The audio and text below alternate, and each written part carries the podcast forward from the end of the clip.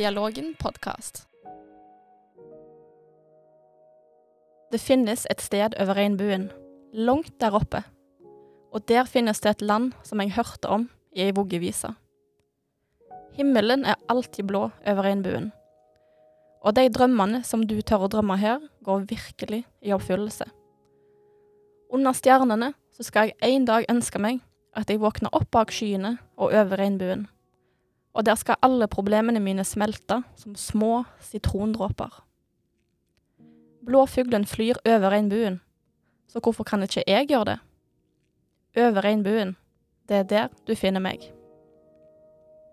Det er mange som har et forhold til filmen 'Trollmannen fra Os' fra 1939. Men det som ikke alle vet, er at rollen som Dorothy gjorde Judy Garland til et av verdens største homoikoner.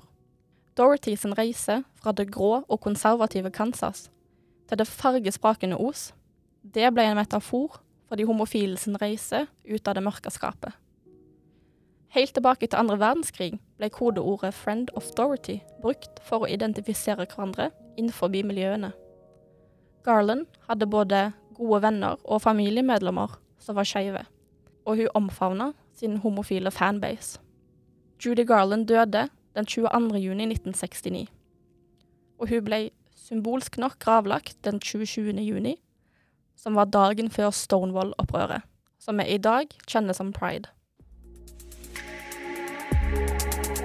Velkommen til en ny episode av Dialogen podkast. Nå er vi på annen siste episode, og er veldig, veldig snart ferdig med sesong tre av podkasten vår. Nå var det mange som trodde at du skulle si annen siste episode ever, men uh, å nei da. Å nei, nei, nei. Men det er jo viktig å holde litt på spenningen, da, sånn at uh, folk kanskje fikk litt sånn nå. Ja. Men nei da, vi kommer selvfølgelig tilbake. Vi skal bare ha litt sommerferie. Tenk den cliffhangeren i slutten av denne episoden. Vi må jo ha Eller nei, det er i slutten av neste episode, selvfølgelig. Ja. Dette blir en sånn dobbeltepisode. Nei, jeg bare tuller. I dag så skal vi snakke om noe som uh, Alle vet hva er. Ja. Ja. Og så Og jeg tenkte når du foreslo det, at det var litt sånn Det har jeg ikke så veldig mye forhold til. Nei, sant? Hvordan skal vi gjøre dette interessant? nei, men altså, nei, eh, det ble feil. For at jeg syns jo det er interessant. Jeg syns jo det meste er spennende. Du kan lese telefonkatalogen høyt for meg, og jeg tror at jeg hadde vært ganske greit underholdt av det. Det tror jeg òg. Iallfall med noe sider. eh. Jeg har ikke noen drikkeproblemer. Det er ikke det Susanne prøver å si her. Jeg er bare veldig lett å underholde. Og er veldig lett å, å kjede. En fin balanse der. Det er viktig. Vi skal snakke om pride.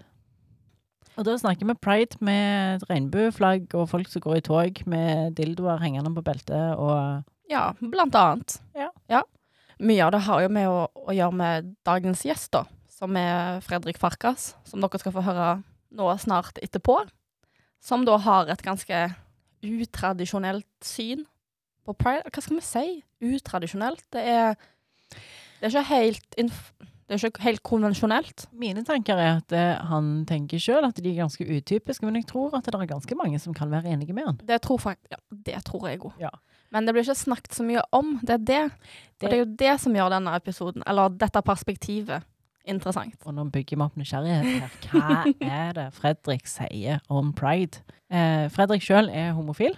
Det er lov å røpe allerede. Eh, det er en hemmelighet, Anneli. Oi, det var en hemmelighet. Fredrik er homofil, nå er det røpt, eh, og han eh, skal snakke om pride i dag, og hans forhold til pride.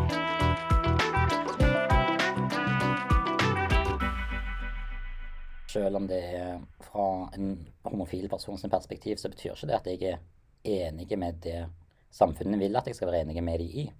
Og det tror jeg er veldig sunt å få fram, at eh, ikke alle er enige i tematikken eller hva som skal bli gjort her. Eller mm. har rette, hva som er rett og galt. Ja, sant. Sjøl forklare, og nå er vi da i Norge, altså, mm. um, med dine egne ord. Hva er pride for noe? Hva er pride? Eh, Det er jo et veldig godt spørsmål, for det er jo helt individuelt. Men for meg så er det jo egentlig bare en veldig stor fest. Fra at eh, det var en protest mot generelt på at eh, vi ikke skulle få lov til å vise hvem vi elsker, til at vi har gått over til en stor fest til at nå kan vi vise den, hvem vi elsker og hvorfor. Mer mangfold, at det er hvor stort det mangfoldet, det er det pride er for meg i dag. Kan vi si da at det har på en måte gått fra har jeg rett hvis jeg sier at originalt så handler pride om homofile menn, Mm. mens i dag Og det har jeg jo lest sjøl, om pride, at det er jo blitt et sånt paraplybegrep. Mm. Hvor mangfold er liksom nøkkelordet her. Stemmer. At det er for alle som ikke definerer seg som hetero.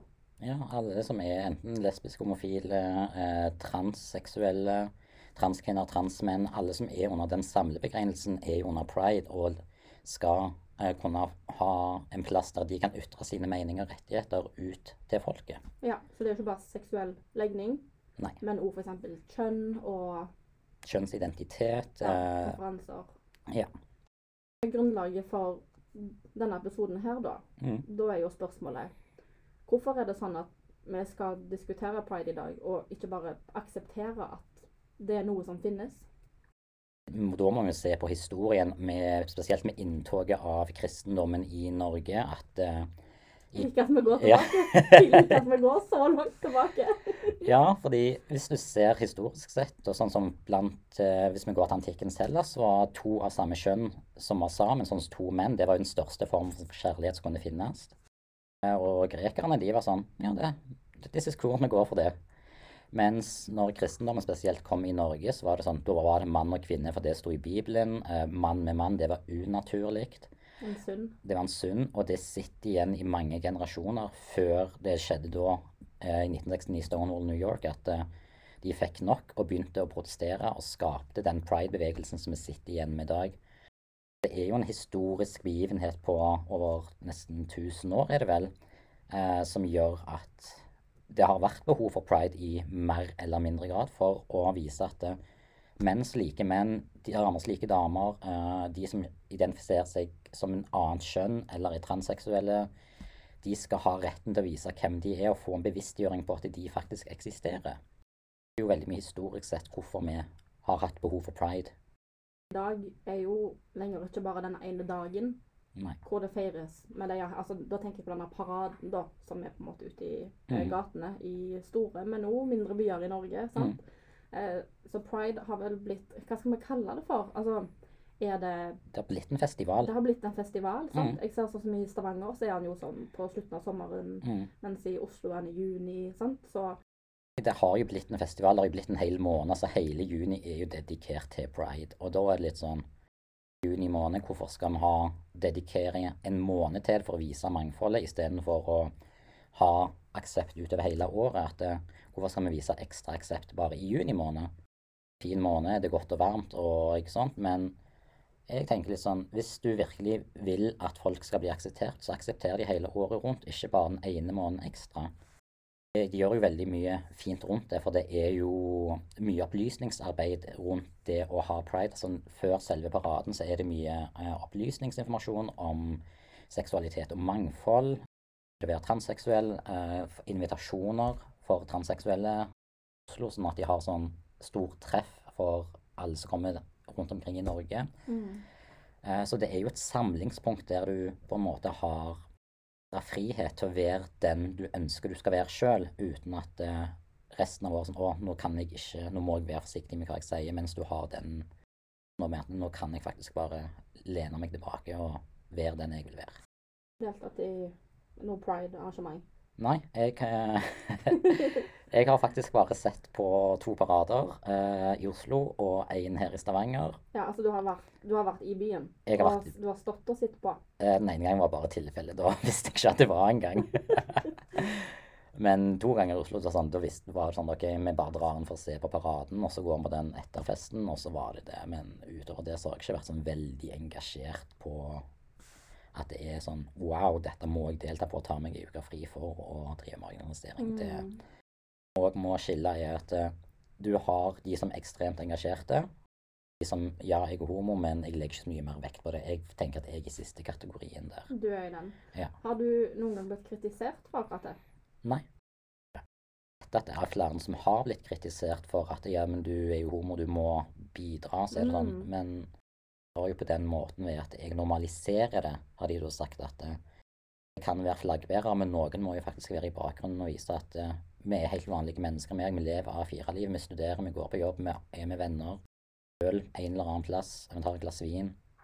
Og det sånn det er jo det som egentlig er hensikten med pride, at det skal normalisere det å ha en annen legning eller kjønnsidentitet Mm. eller Dere vil bare være eh, en av alle andre.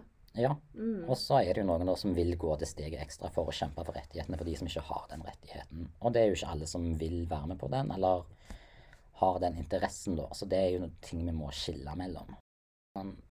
Til spørsmålet om hva pride egentlig er, så er det jo en, blitt en festival.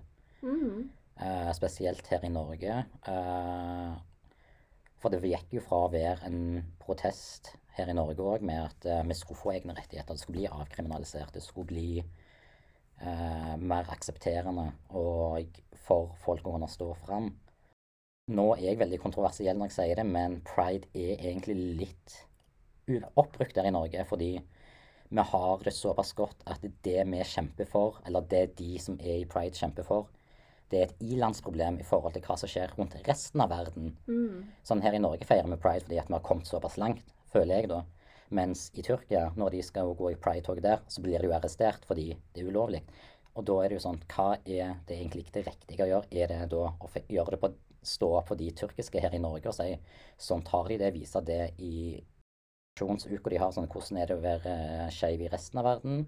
Eh, er det noen som går for de i toget? Ja, nei. Hvor mange er det som faktisk går for de i toget? Og viser at de dette vi må få eksempel, Nå tar jeg bare Tyrkia som eksempel, for det var det eksempelet jeg leste. Mm. At eh, dette er situasjonen i Tyrkia, dette kan vi gjøre her. Dette må vi vise fram. Men det er jo ikke det som blir vist. Vi får jo bare sett den mye gladsida av pride-delen, spesielt i paraden.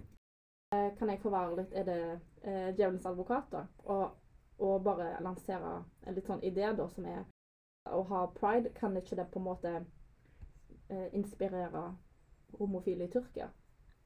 Altså at de ser opp til land hvor homofili er mye mer akseptert enn f.eks. i Tyrkia, da. Ja, men da er vi tilbake igjen der at det først og fremst må det jo bli akseptert i Tyrkia. Hvordan blir det det? Det blir jo med å protestere ved å vise at de faktisk er mennesker, og ikke eh, springe rundt i glittertanker med dildoer i gata. Mm. Eh, og det, for da vil jo det skape stereotypier, spesielt i et veldig religiøst land. Eh, og da er vi jo inne på det igjen. Hva er den rette veien å gå? Skal vi hjelpe de med å faktisk vise hvordan de har det? Eh, stille opp på de tog med sånn 'Dette er situasjonen i Tyrkia. Vi støtter der.' Eh, eller skal vi vise gladsida vår så at dette har med mangfold å gjøre? Og det er jo der jeg opplever at pride sliter litt. For sånn som hvis du tar eh, kvinnedagen 8. mars, så er det jo paroler du må søke inn for å få. For sånn, hva er de rettighetene vi ønsker å få for kvinner? Og jeg tenker jo at det bør jo òg overføres til Pride-paraten. Hva parole er det vi vil ha inn som er viktigst for oss? Er det viktigst for oss å ha en dansebuss med barske menn i tutuer og glitter står og danser til 'It's Raining Men'? Eller er det å ha en parole sånn 'Dette her er situasjonen i uansett hva land det er som det er nedverdigende'? Eh, For å sette fokus på 'Oi, vi har det dritbra her i Norge. Her blir vi ikke diskriminert. Vi blir ikke fengsla lenger'. Vi blir, har et arbeidsvern på at ingen kan diskrimineres pga. legning. Og det har de jo ikke i andre land. Det er kontroversielt av meg å si, men vi har det ekstremt bra her i Norge når det kommer til å gjelde spesielt ved homofil lesbisk. Selvfølgelig så er det minoriteter, sånn transseksuelle, eh, de som har en annen kjønnsidentitet og litt sånne ting, som fortsatt vi må kjempe for, men da må det gjøres på den rette måten ved å ta, sånn som de gjorde i New York og Stonewall, ta til gatene, eh, vise at dette her er ikke greit. Vi hyller mangfoldet framfor å protestere mot det vi opplever som urettferdig. Når jeg har sett sånne bilder sånn fra Brader og de parolene som er, så er det sånn De parolene som kanskje er viktigst, det er de som får minst oppmerksomhet. Det er de der minst folk deltar. fordi Dette er det, det er ikke gøy, det er såre emner. Mm. Uh, og da blir ikke den politiske protesten og bevegelsen som vi skulle gjerne skulle ønske vi hadde, da. Mm. Og det er det som jeg syns er litt synd, at vi har gått fra å være et veldig ikke, Jeg kan ikke si mer, for jeg vil ikke si at jeg er en aktiv del av det, men allikevel så er jo jeg en del av det skeive miljøet i og med at jeg er homofil. Endra seg fra å være en oppvisning til en utskeielse, og der har det, er det en veldig hårtynn grense på hva er lovt, hva er ikke lov. Eh, Hvor setter vi den grensa på rettigheter, da. Mm. Mm. Forfatning sånn Jeg har jo aldri opplevd noe vondt i Norge eller utlandet for den saks skyld. Men jeg vet jo at det er folk som har blitt banka opp fordi de er homofile, uh, fått tilslengt bemerkninger og sånne ting Her i Norge. her i Norge. Mm. Uh, og det er jo litt Altså Det er jo litt sånn uavhengig av hvor du er, for fordommene er jo de samme. Ja. Uh, Men er det sant at det er verre ute på bygdene? Jeg vil jo si det, fordi der er det jo mye mer opptatt Der har du jo et mye mer samhold pga. alle vet hvem alle er. Mm. Og de deler mye av de samme holdningene. Uh, mens i storbyene så er det jo mer en smeltepott med forskjellige meninger. Som å ja, men der er noen folk fra Østlandet som flytter her. Det er fra Bergen, det er fra Trondheim. De har sine meninger. Og så er det sånn Ja, da blir det en diskusjon. Mens der er det i bygdene så er det kanskje litt mer Ja, her er det en høvding som har en mening, og det skal gå ned igjennom, og det skal spres utover bygda. Mm. Uh, Så jeg tenker jo at ofte Det er jo, sånn, det er jo veldig å stereotypisere bygdafolk òg, da. Og det er jo synd i seg sjøl, men min oppfattelse er at de som er fra bygda, ofte har lettere for seg slenge en kommentar.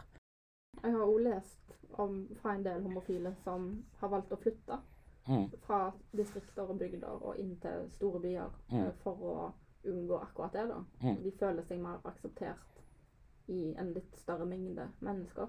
ja. At du føler ikke du er under den loopa Mm. hele tida. Um, så da kommer vi jo kanskje litt over på dette med bygdepride. da. For når Mm. du søker rundt på altså, vanskeligheter med pride i Norge, så er det jo ofte eh, saker fra bygder og distrikter. F.eks. Eh, kommuner som ikke ønsker å heise prideflagget. Mm. Eller til og med kommuner som ikke lar paraden foregå Mm. i, i sin by. Vi bør Altså, kan det være en parole? Altså en sak som er verdt å kjempe for, da? Ja og nei. For la oss si at du har ei bygd med 2000 innbyggere, og der er tre homofile der. Og så skal de plutselig ha en prideparade for de tre homofile. Blir det riktig at eh, 500-600 heterofile eller andre skal stille opp eh, for å vise at dette her er en, en pridevennlig by for de tre stykkene, hvis de ikke de har opplevd noe? Eh, men samtidig så er det sånn da hvis du har en bygg der det er enda flere større deler av den skeive kulturen, da, eller skeive folk, så vil det jo være mer naturlig å kunne legge til rette for at eh, du skal kunne ha en i alle fall ikke nødvendigvis en parade, men bare sånn oppmerksomhetsuke på at eh, ja, vi vil gjerne gi informasjon om hvordan det å være skeiv i jeg vet ikke, Indre Gol, Oppdal, whatever. Bare sånn, Nå slemte jeg bare ut noen navn. Eh, jeg kan ikke så mange innlandsbygder, dessverre. Ja, Skjoldastrømmen. Ja, eh, der har jeg vært. Eh, Men da er det sånn Skal hele bygda snus opp ned på hodet for å tilfredsstille tre stykker på å vise at det, vi aksepterer dere, istedenfor å gjøre noen enkelte markeringer som må heise et flagg? For det skader jo ingen. Mm. Er vi jo, da er det jo litt òg den der kanskje eldre generasjonen som er litt mer sånn Ja, men det Så er det sånn Hvorfor skal vi ikke det? Hvorfor skal vi ikke gjøre neste generasjon forberedt på at eh, vi er en tolerant bygd der at du skal kunne leve trygt, eh, du skal kunne finne en partner å ta med her uten at dere skal føle Å nei, der kommer homsene og skal liksom ta over hele byen. Så er det sånn Nei, de gjør ikke det. De vil bare leve sitt liv. Og liksom gå på jobb. De vil snakke med naboen, de vil invitere på kaffe. Og da kan det være en, en liten gest bare det. Så ja, vet du hva, vi setter av en lørdag den den datoen. Bare sånn, da har vi eh, informasjonsmøte eller bare sånn eh, pride for oss. Og så kan de som vil komme, og så kan det være appeller og sånn Ja, hvordan er det for deg å bo i eh, Skjoldastraumen? Så må vi si sånn Jo, nei, det er sånn, sånn, sånn. Og jeg tenker at er jeg veldig godt akseptert, eller ikke akseptert, og sånne ting. Altså, men går det an å snakke for mye om dette? Det går an å snakke for mye, fordi det er sånn som med alle andre. Får du for mye trøtt ned i halsen, pun intended, Eh, så går du jo lei av det til slutt. Eh, Det blir sånn Ja, OK, nå snakker vi Nå er det den tida på året igjen. Vi sånn Ja, OK, nå kommer de fram. Så det kan bli for mye òg at det der er for lei. Med alle debatter, uansett, avhengig av hva det er. Om det er oljedebatten oppe i nord, så er det sånn at når vi har hørt om det i to måneder, når vi er lei, gi oss noe nytt. Mm. Så det er jo en grense på hvor mye vi skal snakke om de temaene før vi går videre. Og vi vet, vi vet jo etter hvert om vi vil gå videre. På dette her um, pride-flagget, Ja. hva betyr det for deg? Um, hva kommuniserer det Altså hvis, tenk hvis du symboliserer det for deg når du ser at uh, oppe, da. Eh, hvis det er sånn at de bare tar det opp i juni måned, når pride-måneden er, så er det jo ren markedsføringsgimmick. Eh, og da er det sånn Å, vi er et eh, eh, skeivt-vennlig hotell, dere er trygge her hos oss. Men jeg tenker sånn uansett hva Clarion hotell jeg tar på i Norge, så skal jeg vite at jeg er trygg, uavhengig av hva legning jeg har. Så hvorfor skal de da sette det opp den ene måneden i året for å vise det? Kan ikke bare enten droppe det helt, eller ha flagget oppe hele året for å vise at det, det er det? Fordi når det kommer til bedrifter og sånt generelt i juni måned, så er det sånn Å, DNB kommer med reklamen sin, så er det sånn Men kan dere ikke ha den reklamen hele året for å vise at dere er en bank uavhengig av legning, ikke bare i juni? Er det sånn, er det, Tror dere at flere skeive folk ser på TV i juni? Og sånn, DNB skal vi velge. Det er jo ikke sånn det funker. Altså, til og med jeg har fått litt bismak av akkurat det. Ja. Altså, Når det nærmer seg pride, og så er det bedrifter som hiver seg på. Bruk rabattkoden HOMO for 20% rabatt. Altså um, Ja. Det er litt sånn gjennomskuelig, rett og slett. ja, det er Når det bare er Det er bare da. Og så vet vi jo at de bedriftene sitter jo og tar en profitt ut av dette her. mm. Og det er ikke alle som eh, gir den profitten videre. Nei. Og det er jo det òg sant. Hvis du går på Coop Oppsåg nå snart i begynnelsen slutten av mai, så er det sånn de har masse effekter. Så er det sånn Selvfølgelig har de det. De vil tjene penger. Eh, og da blir det sånn feil for meg at de skal tjene penger på noe som egentlig er helt normalt. Den ene måneden i året, så kommer vi til slutten av juni sånn Nei, pride-effekter. 50 Så er det sånn Virkelig. 50 Er vi verdt 50% nå? En parodi.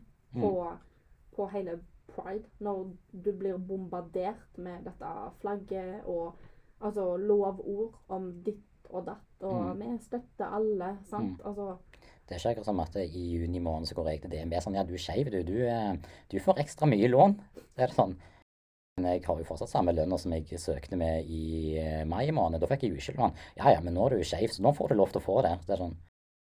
Det er for at de skal verket være sånn Å ja, men vi er støtter dere denne måneden. Da tenker jeg sånn Kan dere ikke støtte hele året, da? Ved å vise den reklamen om enten det er to menn, eller om det er to eh, kvinner, eller noen som uansett bare sånn, bare sånn Hvis det skulle være noen fra DMS hører på, markedsføring, jeg kan gi dere tips. Skal du identifisere deg som, så kan du søke lån hos oss. Hos oss er du trygg. mm, Og det kan de ha hele året, ikke bare juni måned. Jeg at mange bedrifter bør tenke seg om på hvordan de faktisk vil fremstille seg. For uavhengig av bedrift så skal de jo egentlig ta vare på alle, uavhengig av legning eller seksuell identitet de har. Og det er der litt sånn, vet du hva, bare fordi at dere reklamerer denne måneden, så har jeg lyst til å boikotte dere. mm. Eh, når jeg ser på TV sånn Å, vi støtter pride, sier er det sånn. Ja, altså Ja. du blir litt mistenkt. Altså, det er gjennomskuelig. Det er veldig gjennomskuelig, og er der de tror de taper mye òg. Og det er jo en debatt årlig om hvorfor gjør de det. Da, og det er sånt òg i enkelte parader, så er det jo sånn at eh, enkelte bedrifter har egne paroler. Og det er sånn Hvorfor det? Hvorfor skal dere vise det at dere er en bedrift som har homofile? Alle bedrifter har skeive folk. Det det handler om at dere skal vise det, det er markedsføring for dere. At dette er en bra arbeidsplass. Ja vel. Men det bør dere være i utgangspunktet uavhengig av hva legninger eller kjønnsidentitet du har. For meg at det, det Vi vet jo det er diskriminering Mm, i arbeidsplasser. Altså fra stadiet eh, fra du søker en jobb, mm, eh, så risikerer du jo å bli ekskludert. Altså fordi Mm. kanskje de finner ut av legningen din, eller Mm. sier du er trans. Sant? Mm.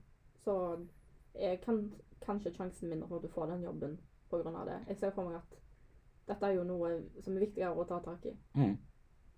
Det er akkurat det. Men sånn som jeg i min jobb, da aldri vært et problem at jeg er homo. Spør sånn der, 'Å, Fredrik, hvordan går datinglivet?' Så er det sånn 'Jo, nei, det går litt trått for tida'. Sånn.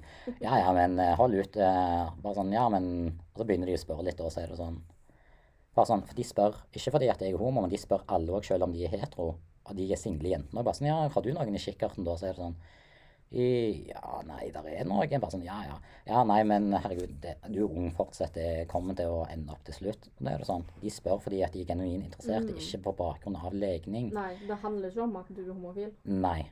Og det er det jeg syns er så fint med min arbeidsplass, er at eh, de legger ikke vekt på det. De legger faktisk vekt på hva jeg presterer, og hva jeg leverer Mm. av eh, tall og arbeidsmiljø og alt mulig sånt. Det har aldri vært et spørsmål om du Fredrik, du sikker på at du klarer å gjøre denne jobben her? Og så bare sånn For lytterne sin del nå, så tenker jeg kanskje når vi skal avklare hva du jobber som, hvor du jobber. Jeg jobber i Lyse. Ja. Veileder der. Ja. Så, og det har aldri vært et problem at uh, de har legning eller noe som helst. Så uh, det setter jeg veldig pris på. At jeg Mm. syns min gruppeleder Øystein stører på. Han uh, er fantastisk. Han er meg likt som alle andre. Har aldri lagt noe vekt på at jeg har en annen legning. Det skal være i alle bedrifter. Mm. Da er det noen bedrifter som har, har gått ut og sagt at uh, vi trenger flere skeive ledere. Så er det sånn Nei, vi trenger ikke flere skeive ledere. Vi trenger ledere med kompetanse som forstår mennesket, uavhengig av legning og hva deres behov er. Så ikke nødvendigvis at de er skeive, de må bare kunne jobben sin og være gode ledere, uavhengig. Mm. Hvorfor tror du de gjør sånn? Har de en sånn uh, homokvote, eller? Tror det at det er sånn, vet du hva, du er ikke helt kvalifisert, men vi tar deg inn allikevel, fordi du er homo, og vi trenger en homofil leder. Nei da, fra spøk til alvor. Ja, når du er i en jobb, så handler det om hva du presterer, og ikke hva du liker, rett og slett, og hva din forståelse for mennesker. Så det er jo Vi har jo flere eksempler på store homofile gode ledere som faktisk gjør en god jobb, sånn som Bent Høie. Ja. Han er jo fantastisk.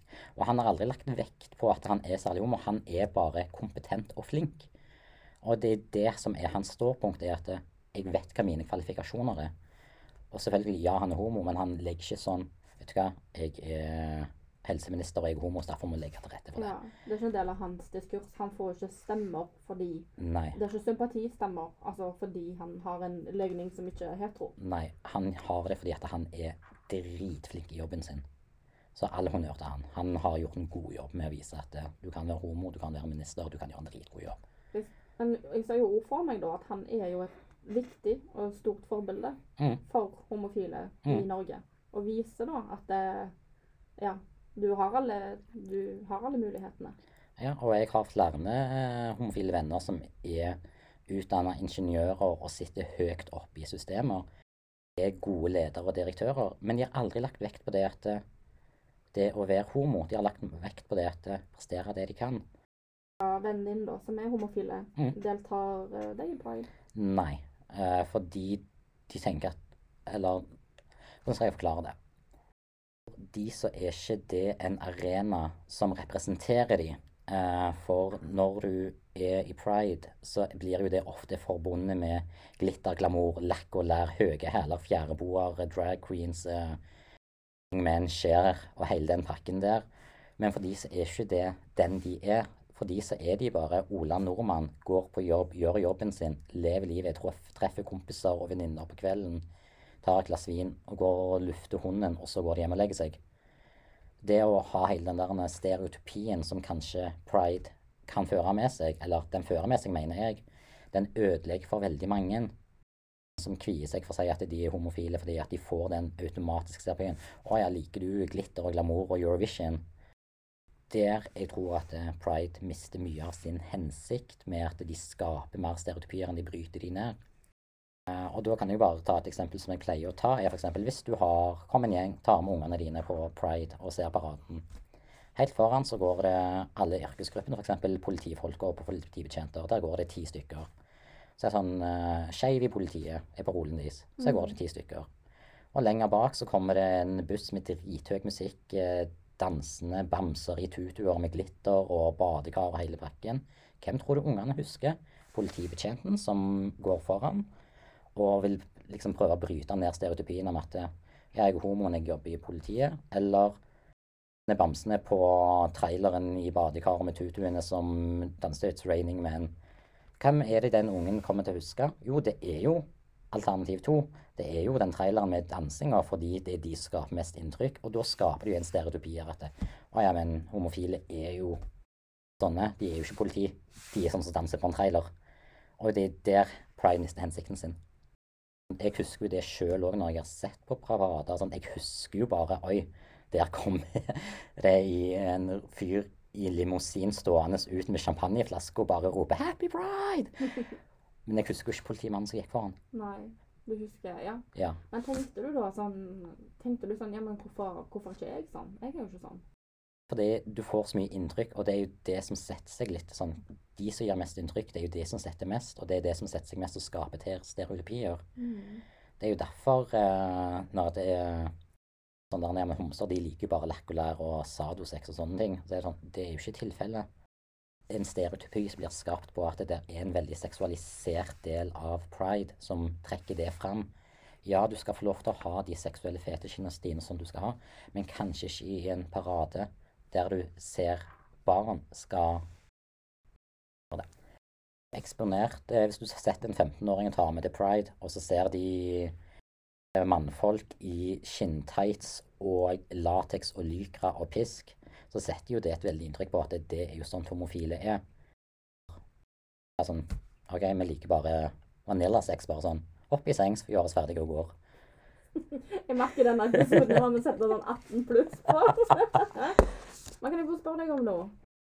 Eller føler du deg studert fra pride? Plass til deg? At du blir litt usynlig? Plass til meg, men det blir ikke den synligheten som da jeg skulle ha ønska meg, for da hadde jeg blitt satt i en bås i et eller annet tema som jeg kanskje hadde vært ukomfortabel i. Vet vi jo òg at kanskje har en annen eh, seksuell legning, f.eks. aseksualitet eller parafil sånn, de får ikke alltid delta i dette, for det er ikke homo nok. Mm. For det er sånn ja, mange, kjempemange heteroer som er aseksuelle, men de får ikke være med i pride fordi de er heteroseksuelle og aseksuelle. Du kan være homofil og aseksuell, men du kan ikke være heterofil og aseksuell og delta i pride. Og da mister jo det litt den synligheten at det er faktisk heterofile òg med andre seksuelle identiteter, som panfil og alt det der med alle de filene der. Og de får ikke vært med fordi de er hetero. Fordi de er heterofile. Ja. Det visste jeg ikke. Og da blir jeg litt sånn kritisk. Fordi altså, FRI og de som arrangerer pride, sier jo at pride handler om mangfold. Mm, Hvis du er hetero, Mm. men du faller allikevel ut forbi mm, den heteronormative kategorien, mm. så er ikke du velkommen. Eller du ja, eller Du er velkommen, men ikke som en egen paraply, da. Nei, du er ikke en del av flagget. Nei. Fordi du er hetero.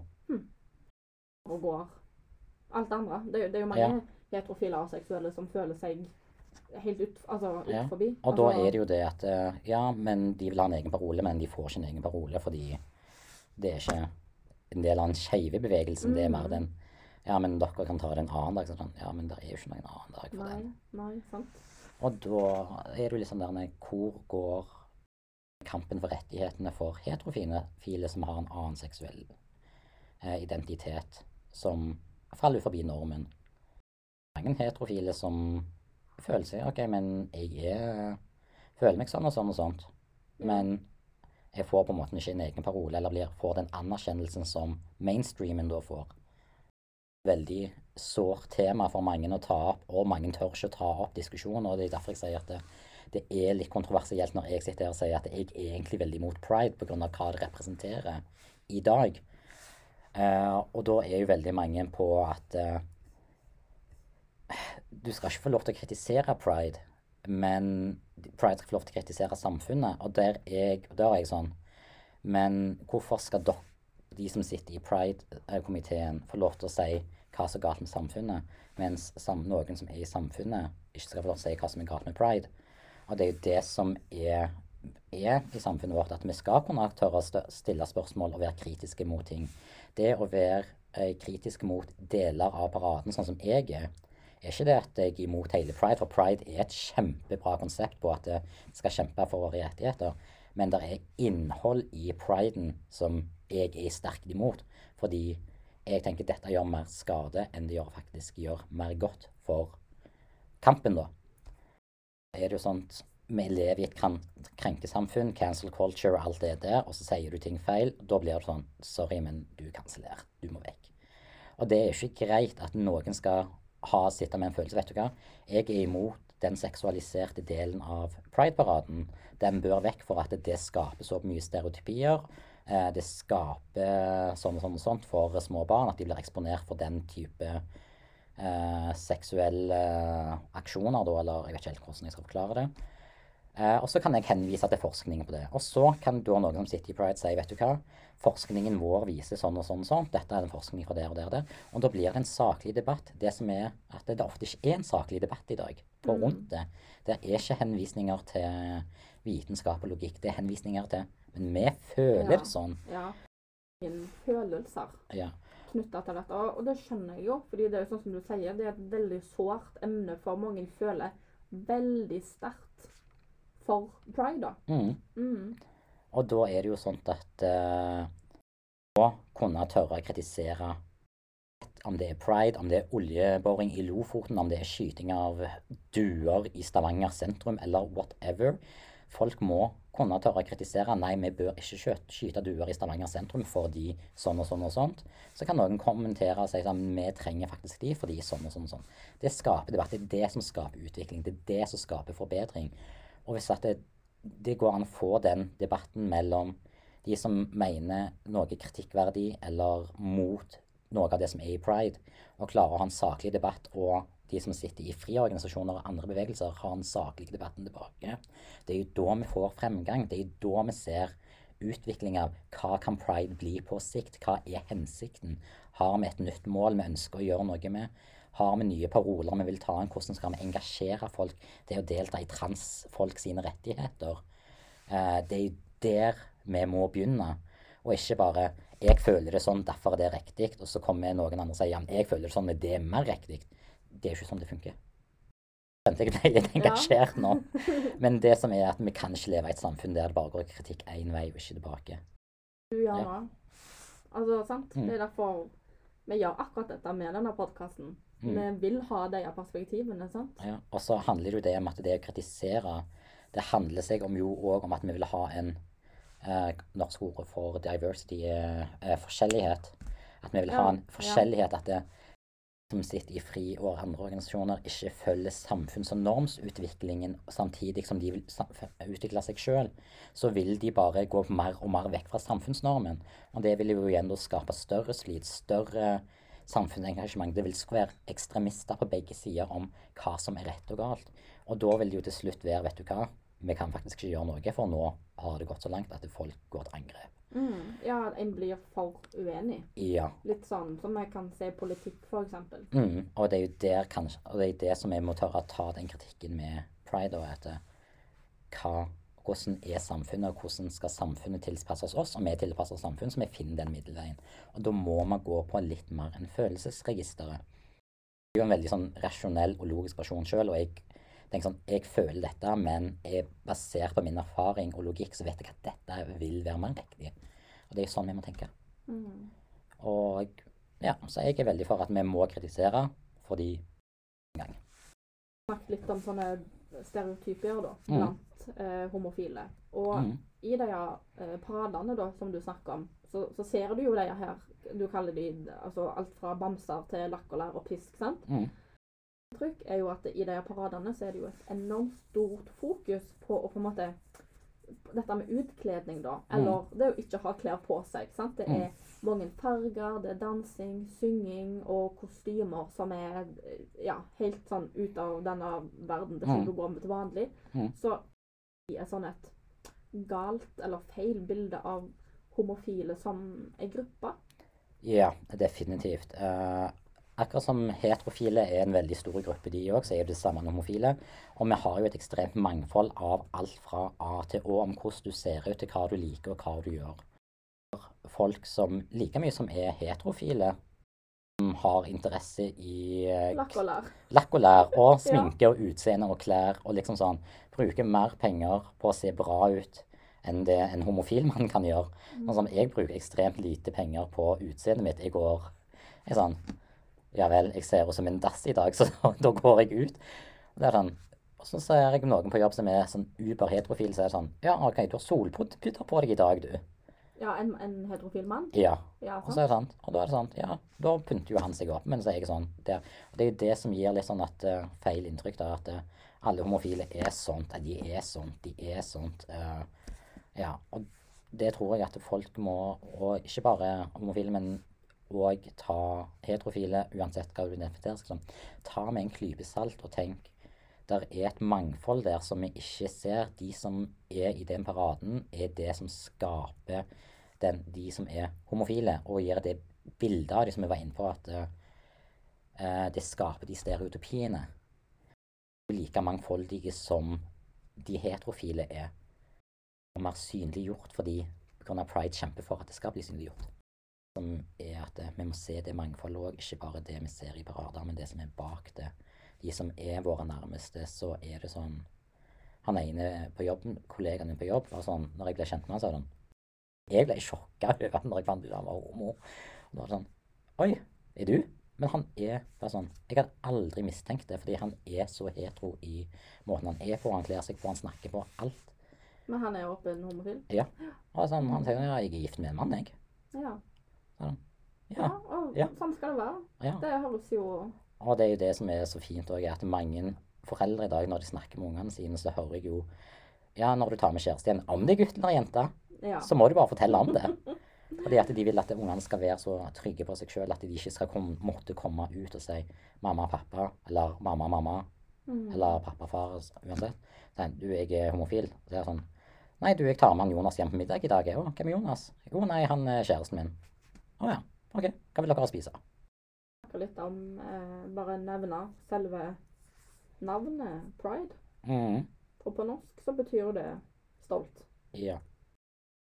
Spørsmålet er hvordan, kan du være noe som du ikke kan noe for? Ja, akkurat det. For det er sånn Ja, å være stolt av den du er. Og det er jo det som Jeg er stolt av den jeg er, uavhengig av hva jeg liker. Når jeg ser òg foreldre som går i Pride-paraden med sånn når en er stolt foreldre av skeivt barn, så er det sånn Du skal være stolt av den ungen din uavhengig av hva legning eller hvordan de velger å identifisere seg. Du skal ikke være ekstra stolt fordi sånn ungen min er skeiv, så da må jeg være ekstra stolt. Nei. Mamma og stefaren min og resten av familien de er dritstolt av meg. Ikke basert på hva jeg liker, men basert på hva jeg har gjort, og hvordan jeg er som person. Og det er jo det jeg tenker at eh, Stolt over at du har en annerledes legning som er helt normal, det er ikke noe å legge vekt på. Det er sånn Fullført en mastergrad, det kan du være stolt av. Deg og har funnet mannen i ditt liv, det kan du være stolt over. Du kan være stolt over han eller hun. Men å være stolt over at du har en legning som er helt normal, nei. Mm. Det, det har jeg aldri tenkt på. Jeg tenker òg at vi skal være stolte over den vi er, men du trenger ikke å gå og si 'jeg er stolt av å være homo'. Nei, det å være homo, eller uansett legning, det er en del av den du er, ikke hva du er. Et menneske som liker menn. Det er så mange andre aspekter med meg som jeg er mer stolt over.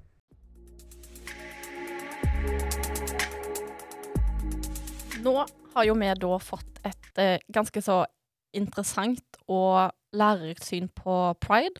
Kanskje mest av alt et kritisk syn, som jeg mener er både sunt og bra. Og altså, spesielt at det kommer fra han, da, som er en del av regnbueflagget og kategorien der, sant? Jeg for min del tenker jo at eh, altså For å være helt ærlig, så, så burde jo pride egentlig vært en ikke-sak. Altså hom hele dette her homofili-sirkuset eh, nærmest som er rundt pride, burde ikke vært en sak. Men det er, det er For meg så tenker jeg For det, det er helt naturlig. Det er helt lov. Mm. Elsk den du vil, og, og, og vær glad i den du vil, og bo med den du vil, og adoptere unger, eller få unger, eller produsere unger med, med akkurat hvem du måtte ønske. Hvis jeg har lov å gjøre det som heteronormative, så syns jeg at alle andre burde få lov å gjøre det òg, uansett hvem de måtte være glad i. Ja, og hvis alle hadde tenkt sånn, så hadde det jo ikke vært Nei. et behov for pride. Eh, Det hadde ikke fantes en lov hvor det i Norge har vært kriminelt å være homofil, eksempel. Det var i slutten av forrige måned at eh, Jonas Gahr Støre gikk ut og unnskyldte. På vegne av eh, 21. april. Ja. Da var det 50 år. Da var det 50 år siden homofile fikk lov Eller siden, de, siden det ble avkriminalisert. homofili i Norge. Mm. Så vi, vi snakker jo veldig kort tid tilbake igjen. 50 år går ganske fort. Det gjør det. Ja. Bare dere som sitter og hører på oss nå, hva tid er du født, og hvor gammel er du nå snart? Ja, sant. Vi skal, vi skal litt tilbake igjen til det med avkriminalisering, og spesielt å snakke om eh, Kim, eh, Kim Friele. Eh, så det som er planen nå Altså, nå har jo vi fått et, ja, kanskje litt negativt, kritisk, jeg vet ikke helt, men han løfter jo fram altså med positivt med pride-ord. Det er jo bare enkelte deler av selve pride-feiringen som han stiller seg kritisk til, og på en måte ikke en, velger å ikke være en del av sjøl, da. Ja, og der tenker jeg at det, altså nå, Han nevnte jo dette her med, med homofili i antikken, eh, og så Ja, sa jeg Finn en kilde på dette her, Susanne. Ja, det gjorde jeg. Ja, og da gikk du inn og så på, på SNL, Store norske leksikon, at eh, homofili blant menn var akseptert og sett på som en naturlig del av enhver manns liv. Eh, på grunn av eh, det var mye separasjon mellom kjønna, det var stor aldersforskjell mellom kvinner og menn i ekteskapet på den tida, osv. Jeg tenker Noe av det viktigste å få fram her, er at alle som hører til LGBHTI pluss-samfunnet, er helt normale, vanlige mennesker, akkurat sånn som meg og deg. Mm. De har bare forelska seg og har en tiltrekning som ikke er heteronormativ. Mm. Det er ikke så veldig stor forskjell på oss. Nei, det, det er vel det eneste som skiller. skiller. Altså hvis vi skal sette et skille. Nei, det er bare det.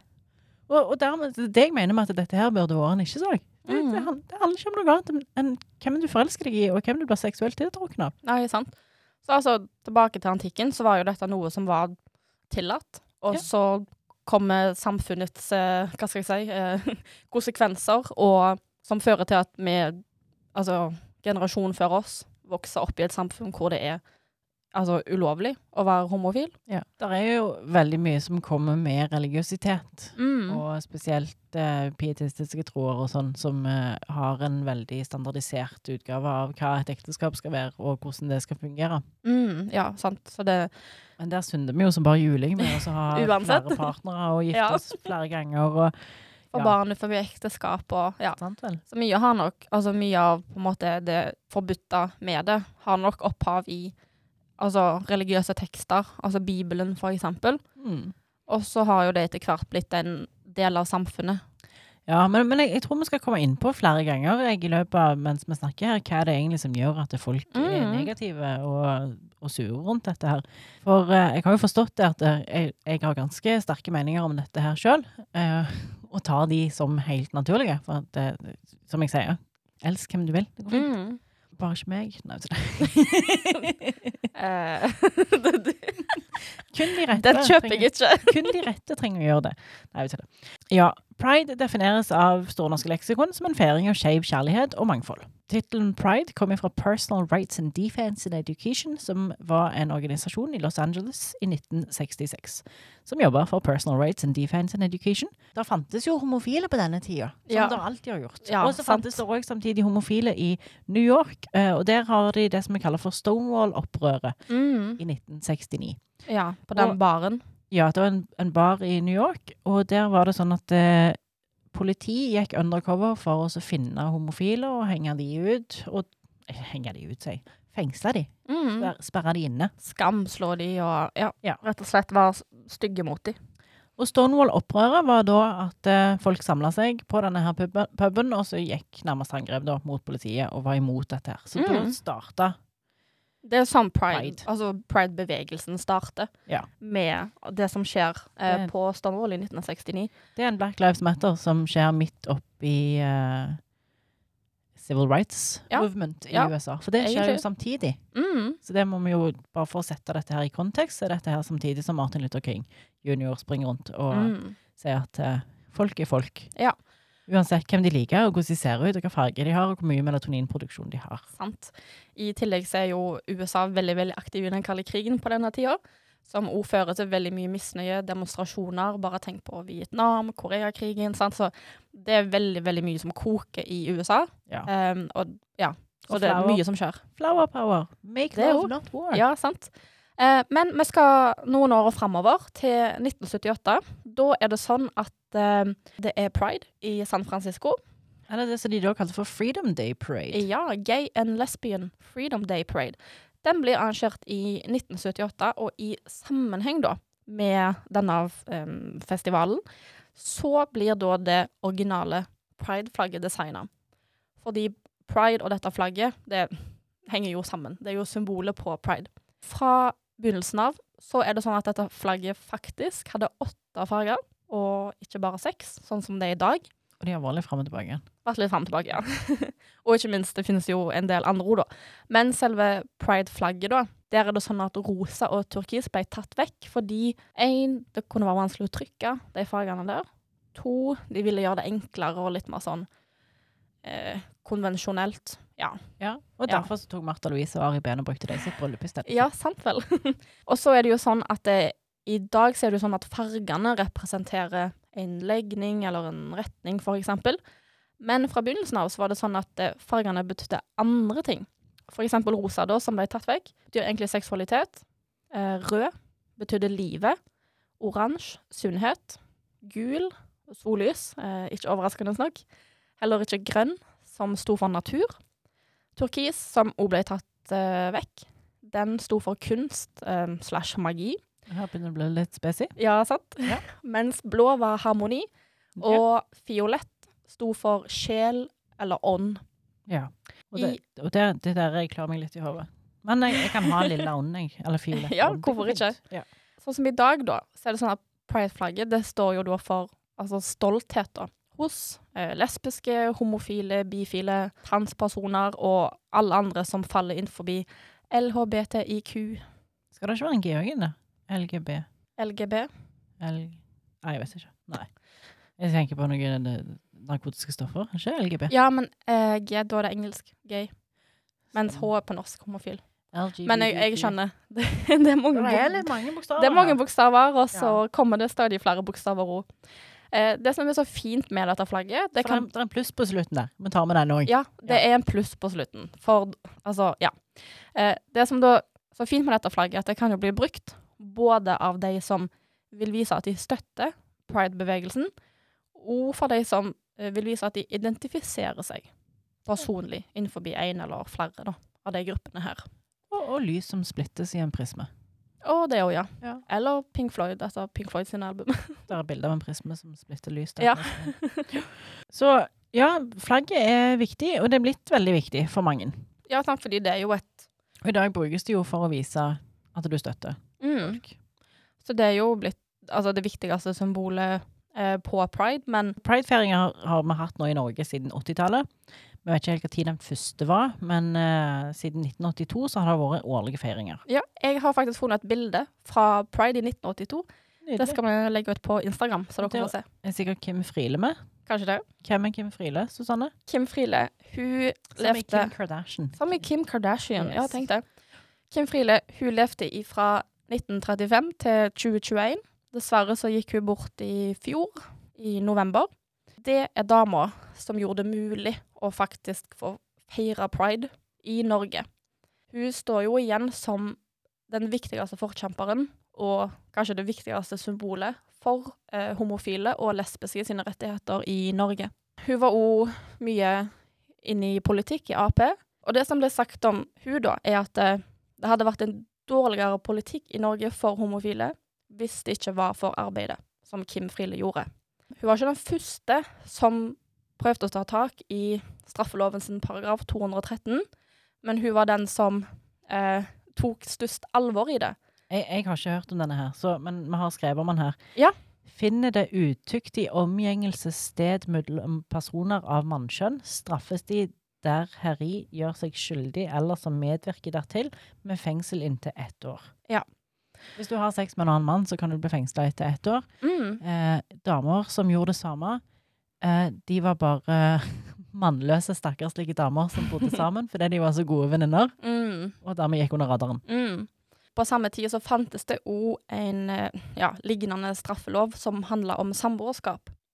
Hvis du inngikk samboerskap med da en av samme kjønn, eller bare det å ikke være gift, eh, hadde òg ei viss eh, strafferamme. Så Kim Friele kjemper jo for begge to, men det er jo på en måte den paragraf 213 som står igjen som den på en måte viktigste, fordi det er jo Når den da forsvinner, for 50 år siden i år, så er det jo sånn at eh, homofili blir avkriminalisert. Dette var jo da Friele sin største politiske seier. Norge var veldig seint ute med avkriminaliseringa av eh, homofili. Stemmer det. Men vi var enda senere ute med å få Norsk psykiatrisk forening til å vedta at homoseksualitet ikke skulle regnes som en psykiatrisk diagnose. Mm. Og nå er vi i 2022, og det er fortsatt lov med homoterapi. Jeg skulle akkurat si det. Ja. Fy skam. Vet du hva? Men Ja. hvis du er frustrert og på dating, så er det ingen som tilbyr det motsatte. Nei, eh, Satiriks har faktisk gjort en sånn greie på det. Ja. Sammen med han eh, Morten Hegseth, som har lagd en sånn en pop-up eh, Hvis du er heterofil, så kan du få komme inn her. Og bli eh, homofil. og så skal vi gjøre deg homofil. Altså, ja. Jeg, jeg, jeg tror seriøst det er, der er flere bra damer der ute enn det er bra menn. Men, eh, Kan godt være det. men jeg, jeg sliter med å finne liksom, en der Men ja, hvis jeg, hvis jeg finner ei dame, så skal jeg ta henne med meg og så si at jeg vil bli Ja. Uff og huff. Nå tuller vi om dette her. Jeg håper ikke folk tar det veldig seriøst. Nei, dere vet Ja, dere Ja. som hører på oss, dere vet hvem vi er. Det Håper. Ja. Hvis ikke, så hører jeg noen av de andre episodene òg, for vi er egentlig litt sånn oppegående og greie mennesker. Absolutt. Men jeg har, jeg har hatt Altså, Fredrik sier Eller setter spørsmålstegn ved hvor viktig dette her er. Og, og setter spørsmålstegn ved flere ting, som vi igjen kommer tilbake Mhm. til. Men Og nå, nå skal jeg Og nå skjems jeg. Nå skal jeg fortelle litt om For jeg er fra Bygd-Norge. Jeg er jo ikke fra Stavanger. Jeg er liksom innlandet. Og i eh, 1998 så kom det en film på kino, en svensk film, som heter Fuckings Åmål. Ja. Fucking Åmål uten S-en. Uh, og når jeg, etter jeg hadde sett den filmen, så var jeg Hva tenkte du da? Det er vondt å si det. Jeg kom ut derfra og sa vet du hva, det er noe av det ekleste jeg har sett. Det er, det er helt feil. Da, igjen, altså, folk må, skal få lov å være lesbiske så mye de vil, men jeg vil ikke se det. Nei. Jeg har ikke, altså, du trenger ikke trykke det opp i trynet på meg at det er to damer som kliner. Jeg har ikke veldig mye mer interesse av å se ei dame og en mann kline, men, men jeg syns det er ekkelt. Der gikk grensa. Ja, jeg, og meg, 13 år, har ikke blitt eksponert for dette her i det hele tatt. Jeg tror jeg kjente et lesbisk par, men det var aldri liksom snakk om noe. Det var de der to Mm. rare tantene til hun som jeg kjente. Ja. Og, og jeg syns at, at det var vemmelig. Jeg kan ikke huske at jeg syns det var like vemmelig med, med et heterofilt par. Altså, her var det to jenter som, som kyssa, eh, og du fikk det veldig tett opp i fjeset deres. Eh, og jeg, jeg husker jeg brukte argumentet det er ikke naturlig. Men altså, OK, du, altså, du var ikke eksponert for det. Men hvorfor, nå i ettertid, hvorfor tror du at det var en naturlig reaksjon fra deg da? Hvorfor tror du at du reagerte sånn? Tror bare det var fordi at eh, jeg fikk noe som var så ukjent for meg, trygt så mm. opp i fjeset. Um, og dermed så ble det en reaksjon. Ja. Og dermed så tenker jo jeg i dag at eh, ja, trykte litt opp i trynet. Jeg snakket med et barn her for ikke så lenge siden. Jeg skal faktisk ikke utgi dette barnet og si eh, hvordan jeg kjenner vedkommende. Eh, som sa «Åh, Jeg klarer ikke disse homofile. Nei. De er liksom så mye. De er liksom så oppi fjeset på deg med alt de sammen. Og, og dette er barn som er ganske reflektert når det kommer til, til rettigheter og liksom når det kommer til minoriteter, og vi har snakket om minoriteter tidligere, men når det kommer da til homofile, så syns vedkommende at det var vanskelig. Mm. Nei, ikke vanskelig. Vedkommende syns det var teit og ekkelt, og syntes at de var teite som gjorde så mye av seg. Um, Og så måtte jeg sette meg ned og forklare.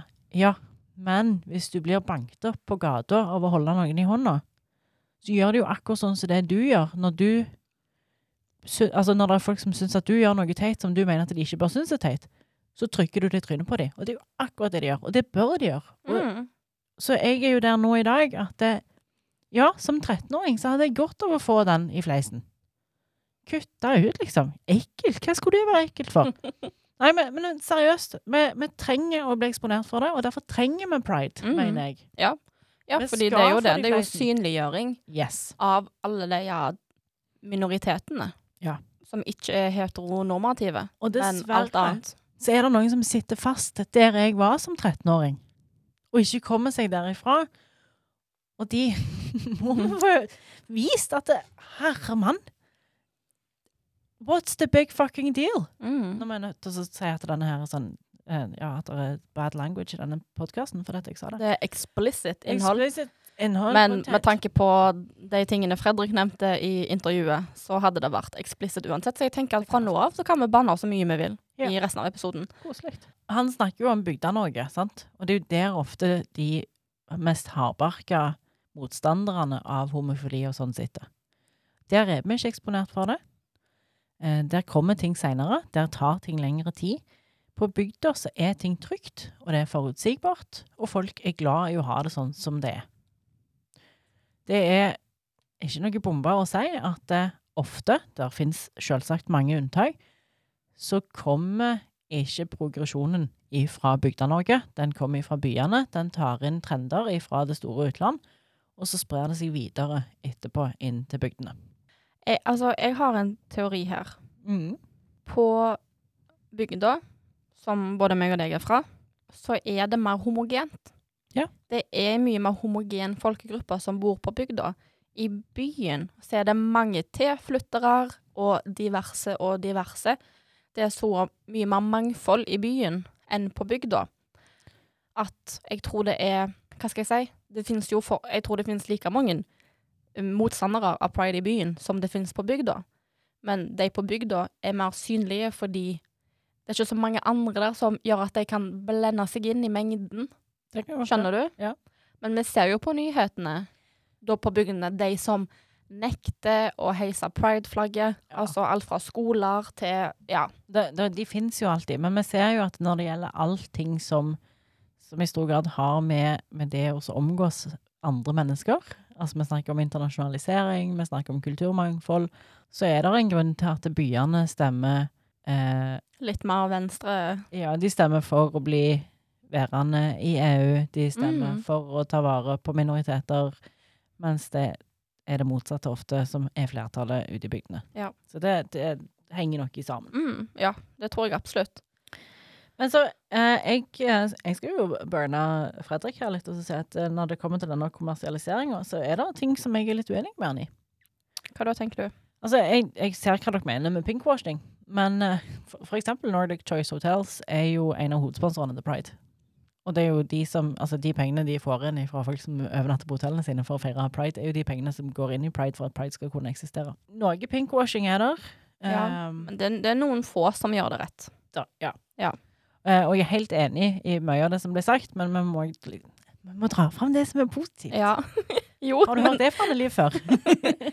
Se på det som er positivt òg. Sant. Ja. Men det, det er bare åh, Det er så mange eksempler på kommersiell utnyttelse av pride, og det provos... Det, altså, generelt kommersiell utnyttelse av minoriteter. Mm. Det er noe som provoserer meg eh, himla mye. Men liksom det med, det med pride, at liksom OK, sier du er en, en bedrift. Um, noen uker i året så setter vi på en eh, logo. Ja. på logoen vår så setter vi på flagget. Hva hjelper det? Ingenting. Nei. Sant? Du må gjøre mer enn det. Vi kan jo sammenligne det med de som setter på Ukraina-flagget som en stikker på Facebook. Mm. Men de donerer ikke penger, de, de eh, deler ikke informasjon, eller Skjønner du? Ja. Sant? Så liksom, det er sånn falsk følelse av at du bidrar til noe bra, eller hjelper med noe. Ja. Jeg, jeg hater det. Det er sånn I'm not racist because my brother's father's girlfriend's sister is Black. black. Sant? Et uh, eksempel jeg setter Kristina fra, som har vi snakket om før. Uh, tidligere kjent som Kissebærhagen, men nå er hun tilbake til sitt uh, um, originale navn, holdt jeg på å si. Hun er kjæreste med ei jente, og for noen uker siden så la hun ut noen sånne screenshots i historien sin på Instagram, hvor hun da var blitt kontakta av en bedrift, jeg, husker ikke hva, det er ikke viktig, som eh, nådde ut til hun og spurte har du lyst til å være med på et samarbeid. Vi har nå lansert en kolleksjon i forbindelse med Pride, hvor det da er da, altså, flagget på diverse produkter. Og så selvfølgelig sånn Du får så og så mye av Ja. Og så svarer hun Hva gjør dere for å støtte Pride? eh hva mener du? Vi selger de produktene med Pride-flagget på. Ja, men hva gjør dere for å støtte Pride? Hva gjør dere med inntektene? Nei. Putte det i lommen, og så kjøpe en større jacuzzi. Ja, sant? Så ingenting skulle gå videre til å støtte pride. Men det er jo det altså mange tenker, at eh, eksponering er en form for støtte, det òg. Og det er det jo for så vidt på noen måter. Mm. Men på samme måten som hvis du eksponerer artister eh, og bruker kunsten deres og, eh, ulovlig, så, så er det lite støtte. Ja, sant. Altså, jeg tenker jo Få prideflagget i monitor, få det ut i offentligheten overalt. Det gjør virkelig ingenting. Jeg bare setter spørsmålstegn med intensjonene bak, Mm. som ofte fra bedrifter da skal ha en slags profitt. Flere burde da gjøre som eh, Choice. De er jo veldig åpne om Mm. hvordan den prosessen er. Ja. Og lære fra dem og ta det med seg i sin bedrift, da. Men stadig flere gjør jo det, og det er bra. Så jeg er spent på hvordan det blir i år. Nordic Choice Hotels har jo en del informasjonssider som ligger ute om pride, for å Ja, om pride i Norge. Mm. Så det er tommel opp til de. Kjempebra. Der er folk som har ytra seg mot pride. Truls Olufsund Mehus, han er fra KrF. Bomba. I Troms og Finnmark. Troms og Finnmark. Han har jo da skrevet en del om pride. Og det han er mest kritisk til, det er pride og barn.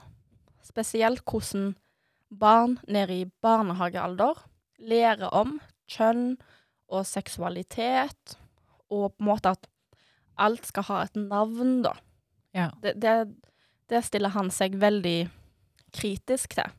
Og det er jo mange som, eller flere som sier det. Jeg leste en artikkel av han i, fra Nettavisa. Mm. Ja, selvfølgelig. Og eh, det er jo Pride handler om å få fram disse menneskene, sånn at det og nå, Jeg likte ikke at jeg sa disse menneskene. Det handler om at folk skal få se at det finnes andre som er like de, Mm. og få det fram i dagslyset, sånn at det, folk blir vant med det. At de får det litt i fleisen, sånn som jeg gjorde som 13-åring. Men så Og han, denne artikkelen som jeg leste, han, så, eh, der er tittelen 'Det handler ikke om kjærlighet lenger'. Det handler om kjønnsidentitet. Og han mener jo at eksempel FRI, som nå er med i Pride, og er med og styrer mye i Pride, de driver en lobbyvirksomhet når det kommer til kjønnsidentitet, og hvordan den norske stat håndterer det, og så er han veldig uenig i det. Og det er et veldig hett tema. Eh, det får vi heller gå inn på skikkelig seinere. Mm, ja, det er veldig interessant. For det, at det, det Hvis vi tar det òg inn her nå, så, så eksploderer dette her litt. Men Og det er det òg eh, andre som sier at det, det blir Ja, vi har lyst til å støtte homofile. Ja, vi har lyst til å støtte lesbiske. Ja, vi har lyst til å støtte transpersoner. Men hvor fort, enkelt, vanskelig, tydelig og greier folk kan få lov å bytte kjønn, og hva kjønnspolitikk vi skal ha i Norge. Skal vi ha ett? Skal, vi- nei, skal vi ha to kjønn? Skal vi ha tre? Skal vi ha flere enn det? Ett kjønn, det hadde vært enkelt. Det hadde vært enkelt. Det hadde jo bare vært det beste. Vi tar ett kjønn. Ja, jeg, jeg skal ikke si at jeg, jeg, jeg på ingen som helst måte sympatiserer med, med denne mannen, men, men jeg kan forstå eh, noe av frustrasjonen og noe av det. For dette, en ting er at ja, jeg kan støtte denne delen av det, men jeg syns den delen av det er vanskelig. Det er jo nettopp det. Ja. Jo da, altså, ja, han, han stiller spørsmål som eh, jeg òg har lyst til å få svar på, men jeg tror det han har skrevet som provoserer meg mest, er at han mener at homofile i Norge egentlig ikke er utsatt. Eh, Ja, selv selv da- om vi ser eh, Da må vi motsatt. stappe fingeren i jorda og ta pære og ei bolle, og så få på brillene igjen. Ja, sant. Og det han bruker som et argument da, på at homofile i Norge ikke blir altså, utsatt for uh, vold eller andre negative, det er at eh, jo, fordi når kjendiser kommer ut, så får de offentlig applaus av hele Norge. Ja. Det er derfor det er så sykt mange homofile fotballspillere. Ja, blant annet. Sant? Eh, spesielt i sport. Ja. Og homofile og altså, lesbiske de får hovedroller i populære serier og i filmer. Og Og da kan vi bare totalt ignorere det at Lise Klaveness måtte liksom gjøre skikkelig etterretning før hun reiste ned til Dubai for å høre om det var et problem at du i det hele tatt Ja, var sant. i det landet. Sant? Så han bruker det som argumentasjon på at i Norge så er det ikke et problem, da. Ja. Nei, nei, nei men uh, det, dere hører jo at vi er helt, helt, helt enige med han. Han en liten klapp. Skeiv ideologi versus skeivhet generelt Mm. er jo Altså, det, det er en balansegang her. Så Men jeg føler ikke at det er opp til oss å finne den. Det er altså gruppene sjøl. Det er minoritetene sjøl, det. Jeg, jeg skal ikke overlate eh, problemet til deg, men det viktigste er å høre på hva de vil. Hva ønsker de? ja. Og så blande inn for å få ulike Utfordringen er jo det at vi har veldig mange individer som da skal inn i en boks. Ja. Fordi at det, selv, om selv om individer ikke skal plasseres i bokser eh, Gjør de det for det? boxes, Little boxes. On the hillside And they all look just the same. Det er jo det som er utfordringen. They Ja. don't look just the same, alle sammen. Hvor skal jeg plasseres på femininitetsskalaen? Er det jeg som skal bestemme det, eller altså Heldigvis er det ikke en femininitetsskala som jeg er nødt til å plasseres på. Det er noen som liker å gjøre det likevel, men Det det. det skal de få lov til å gjøre akkurat som de måtte ønske. Mm. Uh, Ja, det, det er kjempevanskelig. Lene Steen, da. Hun, hva tenker du om hun?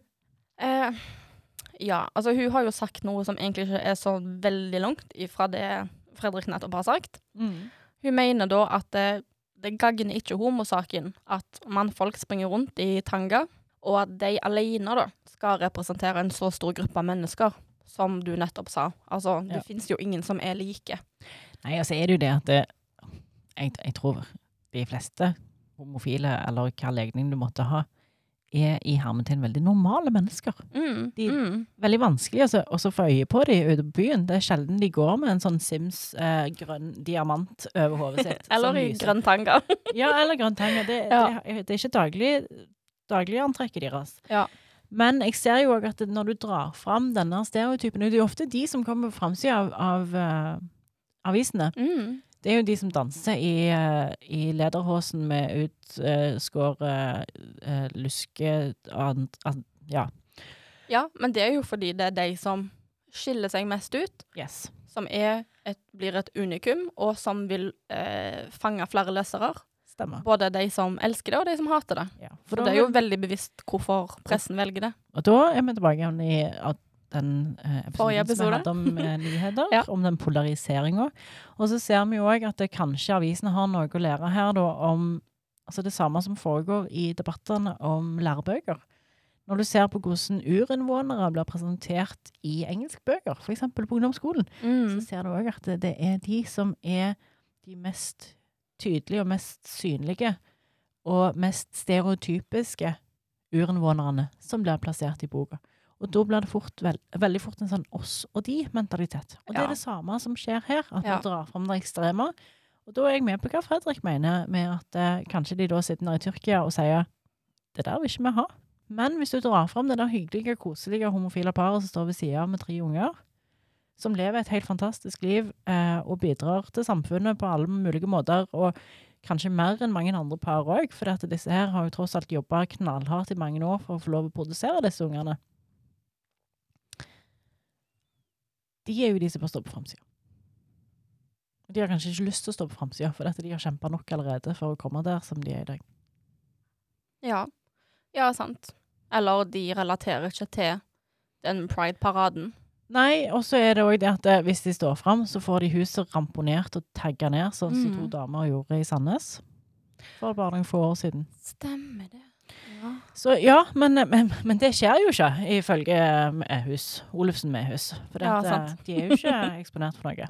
Og Trygve Nilsen òg sier jo at det blir en karikatur av homofile mennesker. De er Ja. like ulike som heterofile. Ja. Vet du hva? Jeg, eh, jeg danser òg lite rundt med, med tanga og, og dildoer. Så hvis jeg skulle hatt Heldigvis er jeg del av en majoritet. En heteronormativ majoritet. Eh, så, så jeg slipper å ha ett individ som blir bildet på min gruppe. Mm. Ja, sant. Og der er jeg jæklig heldig. Og det er alle som hører på òg, men det skal vi være litt obs på. Når vi er del av en majoritet, og her i Norge en heteronormativ eh, majoritet, så er det det vi må huske på, at vi har ikke én stereotype som representerer oss. Mens jeg satt og, og leste meg opp litt på denne her saken i dag, så leste jeg om eh, Karoline Skarstein. Hun er leder for foreningen Fri Rogaland. Hun snakka i avisa om det om at de ikke Altså, Fri Rogaland har ikke lyst til at uniformert politi skal gå i uh, Pride-toget. Eh, de får trakasserende meldinger, de får hatmeldinger, de får trusler, og det er veldig ille. Og de føler ikke de blir tatt seriøst av politiet. Og i tillegg så er det denne her Stonewall-hendelsen som gjør at eh, uniformert politi på en måte ikke hører hjemme. Ikke minst, mm, vi skal ikke lenger vekk enn til her hjemme her i Norge, hvor det finnes så mange historier om homofile menn som på åpen gate har blitt nesten slått til døde av uniformert politi i Norge. Mange av dem lever ennå i dag, så jeg skjønner kjempegodt at de ikke vil ha uniformert politi i Norge, fordi de har så fortsatt så veldig negative konnotasjoner Ja. til norsk politi. Samtidig så er jeg der litt at hvis vi skal ha en parade som, skal være, som handler om åpenhet Mangfold og og inkludering. mangfold og inkludering, så er det litt dumt å Ja. ekskludere noen òg. Det er jo nettopp det. Så, så jeg, Det jeg er ser kjempevanskelig. Men, og, det- og da ble jo da en debatt fram og tilbake om, om dette her er, er greit. Men Ja. mens jeg sitter og leser meg opp på dette her, så følger jeg òg Karoline på, på Twitter. Og i dag så ble hun, hun spytta på. I Stavanger. Jo. Hæ? Eh, bare, ja. For det er sånn folk gjør. For det at Karoline ser ikke ut sånn som meg og deg, og, og hører til det heteronormative. Altså, ja, så folk vet hvem hun er. Jeg er usikker på om jeg får Ja, det er hun, ja. Jeg eh, googla nå mens vi satt. Selvfølgelig. Men det er frekt å si! Hvordan skal jeg Ja, men det er ikke frekt å si det. Det er jo bare sånn det er. Bare sånn det er. Men, men ja. Hvordan skal jeg eh, omtale hun Vil vel omtales Hun omtales som, som hun? som hun, ei Men kvinne. hun, hun har en bakgrunn, og så har hun et utseende som gjør at hun ikke ser ut som deg og meg. Det er, liksom, det er jeg litt usikker på i denne her settingen som jeg sitter i Mm. nå. Altså, hun, hun er jo åpen om at hun er trans. Ja, hun er trans. Ja. Ja. Har hun skifta kjønn, Ja. eller er hun trans? Hun har skifta Ja, men hun er, du er jo fortsatt eh, trans selv om du skifter kjønn. Er du det? Så hun er nok eh, Altså, hva heter det da? For å bruke korrekt eh, Kjønnsinkongruens ja. Så det handler jo nødvendigvis ikke om å være født i feil kropp, det er jo veldig eh, individuelt. Ja. Men hun er nok juridisk eh, født eh, gutt, og så har hun transitioned over til kvinne. Så på papiret så er hun kvinne. Mm. Og denne her diskusjonen tar vi nok bare med i sin helhet, og jeg beklager Ja. så mye til Hvis vi har sagt noe feil nå. Ja, men, men, men hvis, om dette her skulle nå Karoline, så jeg beklager. Jeg, men jeg, jeg prøver, og, og vi prøver å lære. Og jeg syns ikke dette her alltid er lett. Og selv om vi har gjort Vi kunne gjort mer forarbeid for å vært helt sikre. Men da hadde ikke heller denne her diskusjonen kommet opp. Jeg syns at diskusjonen I seg sjøl viser hvor viktig dette Ja. her er. Fordi at eh, vi trenger å vite hvordan dette blir oppfatta av andre. Mm. andre trenger òg å oppfatte hvordan vi opplever dette her, og syns det er vanskelig. Og dermed, så istedenfor å trø rundt på eggeskall og ikke nevne dette her i det hele tatt så, Enig. Vi klipper ikke dette. Dette lar vi stå som et veldig godt eksempel. Men tilbake til poenget, da. Karoline hun ble spytta på i dag. På åpen gate i Stavanger, jeg, eller som jeg forsto det. Fy faen. Og dermed så, så sier vi jo det til med hus at eh, Mm. Få på deg brillene. Ja. Yes. Og uansett hva pride betyr for deg, hva det betyr for Fredrik, hva det betyr for oss, vi trenger det. Ja. Og det har Amnesty lagt fem grunner som de har listet opp til hvorfor vi trenger det. Ja. Den første grunnen til at vi trenger pride, det er fordi at vi lever i en verden hvor mennesker fortsatt blir angrepet på grunn av den da reelle eller antatte seksuelle orienteringen eller kjønnsidentiteten som de har. For eksempel, det er mange land i verden som eh, ans altså, de anser ikke homofob eller transfob vold for å være hatkriminalitet. Det går liksom ikke under den kategorien. Veldig ofte så blir ikke sånn type kriminalitet etterforska, og de ser òg at det er svært få som rapporterer om denne type kriminaliteten. Selvfølgelig. Hvis Karoline når hun går til politiet i Stavanger og sier jeg ble spytta på, så er ikke det en sak. Nei. Men det, det er hatkriminalitet. Kristine Fras Ja. eh, var ute på byen i Oslo sammen med sin kjæreste. Eh, ble møtt av en mann som sa at Eller melde Melle de ja, pekte på hvem man skulle ta med seg hjem. Hvem man skulle ta med seg hjem for å vise dem at de egentlig ikke var lesbiske. De hadde bare ikke fått skikkelig omgang med det mannlige kjønnsorganet Mhm. ennå. Eh, eller noe i den dur. Mm. Dette havna på video og alt mulig. Saken henlagt. Mm. Ja, hun ble slått ned på åpen gata Ja. av han mannen. Videobevis. Ja. Saken er henlagt. Yes. En annen grunn, sier Amnesty, er at arrangementet gir mulighet til å utfordre homofob og transfobisk lovgivning. Ja, det henger jo sammen med Ja. den første grunnen, da. Siden 2006 ble pride arrangert i Moskva ikke lov, og i 2012 kom en rettskjennelse om at det ikke var lov å arrangere pride de neste 100 åra i Ja. Russland. That's how they roll. Da gjorde de det lett for, for seg sjøl. Ingen av oss lever om 100 år, så vi bare lager en lov om det, så slipper vi å tenke på dette her mer. Og, og vi vet jo at aktivister i land som Russland blir arrestert like fort som de som hen- henger Ja. holder opp eh, tomme plakater. Ja, på- ja sant vel. Eh, og homofob og transfobisk lovgivning er et angrep på ytrings- og forsamlingsfriheten. Så pride er en protest, rett og slett, mot dette. Mm. Den tredje grunnen til at vi trenger pride, det er fordi vi kan aldri ta rettigheter for gitt. For eksempel, da skal vi til Europa. Eh, både Montenegro og Istanbul eh, har stoppa, og de forbyr pride. Så den rettigheten vi har her i Norge til å kunne gå i pride-tog og å feire pride, den kan jo ikke tas for, gift, for, for gitt. Og mange i Norge går jo i pride for de andre som ikke kan det. Dette er jo noe Fredrik kom inn på, da. Ja. Altså, så burde det vært viktigere på de parolene og sånn. Pride i andre land hvor det er gjerne straffbart. Ja, og så sammenligner han eh, Altså, vi nevner jo òg 8. mai Nei, 8. mars-tog inni dette her. Og, og der har vi jo litt den samme debatten. Hvorfor skal vi gå i tog her i Norge med kvinner Vi har det jo så bra. når vi har det så bra? Og vi har det jo sykt, men, men det er jo den samme diskusjonen. Ja, hva med transkvinner? De, Ja, ja, ja, de har det jo ikke så bra som de kunne hatt det. Og de får jo ikke lov å være med i 8. mars-toget alltid engang, fordi noen mener de ikke er Ja, ekte kvinner. Det er jo helt Men poenget mitt er at vi som kvinnfolk i Norge har det sykt bra. Ja, det er ikke tvil om det. Ja, det er på noen områder som fremdeles et stykke å gå. Og på, men så er det på noen av de områdene vi har et stykke å gå, så går det òg andre veien, at det òg gjelder menn. Mm. Um, sånn at det, vi må fremdeles være noen av de som viser vei. Altså, vi kan ikke gi opp kampen her, selv om det er verre andre plasser. Nei. Vi må fremdeles være med og dra. Ja. Så de samme argumentene vi bruker for 8. mars-tog, er de samme argumentene som, som vi skal bruke Bruker nå for Pride. Pride-tog. Ja, bare tenk alt Kim Friele gjorde i løpet av livet sitt. Og hun er en av hovedgrunnene til at en begynte å gå i pride-tog, Ja. sant? Så altså, Så, vi mye- kan aldri stoppe. så mye som hun fikk til i løpet av et liv, det kan neste generasjon òg få til. Pride er holdningsskapende og holdningsendrende. Ja, jeg la til den, jeg. Fordi, ja, det er jo to forskjellige ting. Mm. Skape nye holdninger, men òg endre de holdningene som eksisterer. Veldig bra. Ja. Ja. Forandring er mulig. Pride i Latvia i 2005. 70 demonstranter ble møtt av 2000 motdemonstranter. Altså, vi har ikke sånne reaksjoner på Sian engang her. Nei, sant. Mange gikk til angrep. Ti år senere, i 2015, 5000 demonstranter og bare 40 motdemonstranter. Så ser, her ser vi jo at uh, ting skjer. Jepp. Det er kjempe Ja. Og så er det som vi har snakket om. Og det som vi gjør nå i denne episoden her, skape synlighet. Ja. Pride bidrar til å skape synlighet.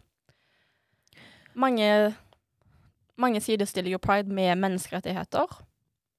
Og det som er noe av det som er bra med pride, er at mennesker får myndigheten til å kreve rettigheter under pride, f.eks. med paroler, og et offentlig rom å vise dette her i. Og synlighet er kanskje et av de viktigste midlene en kan bruke når du bor i en stat som prøver å marginalisere deg, og feie deg under teppet og gjemme deg vekk. Ja, helt sant. Mm. Der er òg Pride på TV. Ja, det har jo nettopp eh, kommet eh, en ny dokumentarserie ut. Den er på Discovery. Den det er kommet. ikke fra Turistforeningen. Nei. jeg tror det bare har kommet én episode til nå, og jeg så en artikkel i går om at de har svært, svært lave seertall, og er veldig skuffa. Jeg har sett første episode, og det kommer flere. Jeg anbefaler alle å, å se på den. Der får du møte over 50 kjente nordmenn som forteller om Norges homohistorie. Stilig. Mm, veldig bra. I eh, fjor så var Norge det første landet i Skandinavia der en statskanal hadde en direktesendt Pride-program, som da gikk under Oslo Pride. Eh, den direktesendte sendingen er nå nominert til Gullruten, som er nå i mai, så det blir jo spennende å se. Og så regner jeg jo med at det vil bli en direktesending i år eh, Ja. igjen. For, for Pride Oslo er veldig mye mer enn bare et tog med dansende dildoer. Ja, det Altså, er jo en vi, vi jo det, festival. Ja, ja, men det er òg en veldig faglig festival. Der er foredrag, og der er forelesninger, og der er kurs, og der er alt mulig. Workshops og altså Og vi ser jo òg at det, noen av landets mest prominente eh, politikere, de går i Pride-toget for å vise. Og så noe av det som er viktigst òg, er jo dette her med vår egen selvfølelse, hvordan vi har det på innsida. Og det er jo altså det samme som bøker gjør med veldig mange mennesker. De viser deg at det fins andre mennesker som er ganske like deg sjøl. Hvis du føler deg veldig annerledes fra alle andre rundt deg, så er det veldig viktig å finne noen som du føler tilhørighet med. Mm, Det gir jo en trygghet. Om det er fordi du er litt nerd, sånn som meg, eller om det er fordi at du eh, ser på de av det samme kjønn på en annen måte enn de rundt deg, så er det veldig viktig å finne noen andre som du kan gjenkjenne deg sjøl i. Og, vi leser bøker for å gjøre det, og, og så blir det da en normalisering av at det er lov å føle seg sånn. Mm, Og den er så viktig, for hvis, du, hvis vi isolerer mennesker, så er det noe av det mest skadelige du kan gjøre for et menneskes syke. ja, sant. Og dette krever jo da altså det femte punktet til Amnesty, synliggjøring. Ja. Det, vi har jo eksempler, du skal ikke lenger til USA, hvor du finner bøker som er sensurert, som har et innhold av Altså, ja, som handler om dette. Ja, som han, handler om homofili, rett og Mm. slett, og, og som, som blir holdt på å si brent sammen med Harry Potter og Mouse. Sant? Mouse, som vi snakket om i tegneserier.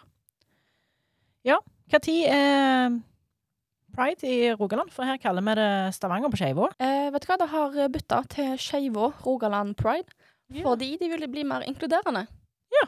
For det skal ikke bare være Stavanger, så nå gjelder det hele Rogaland.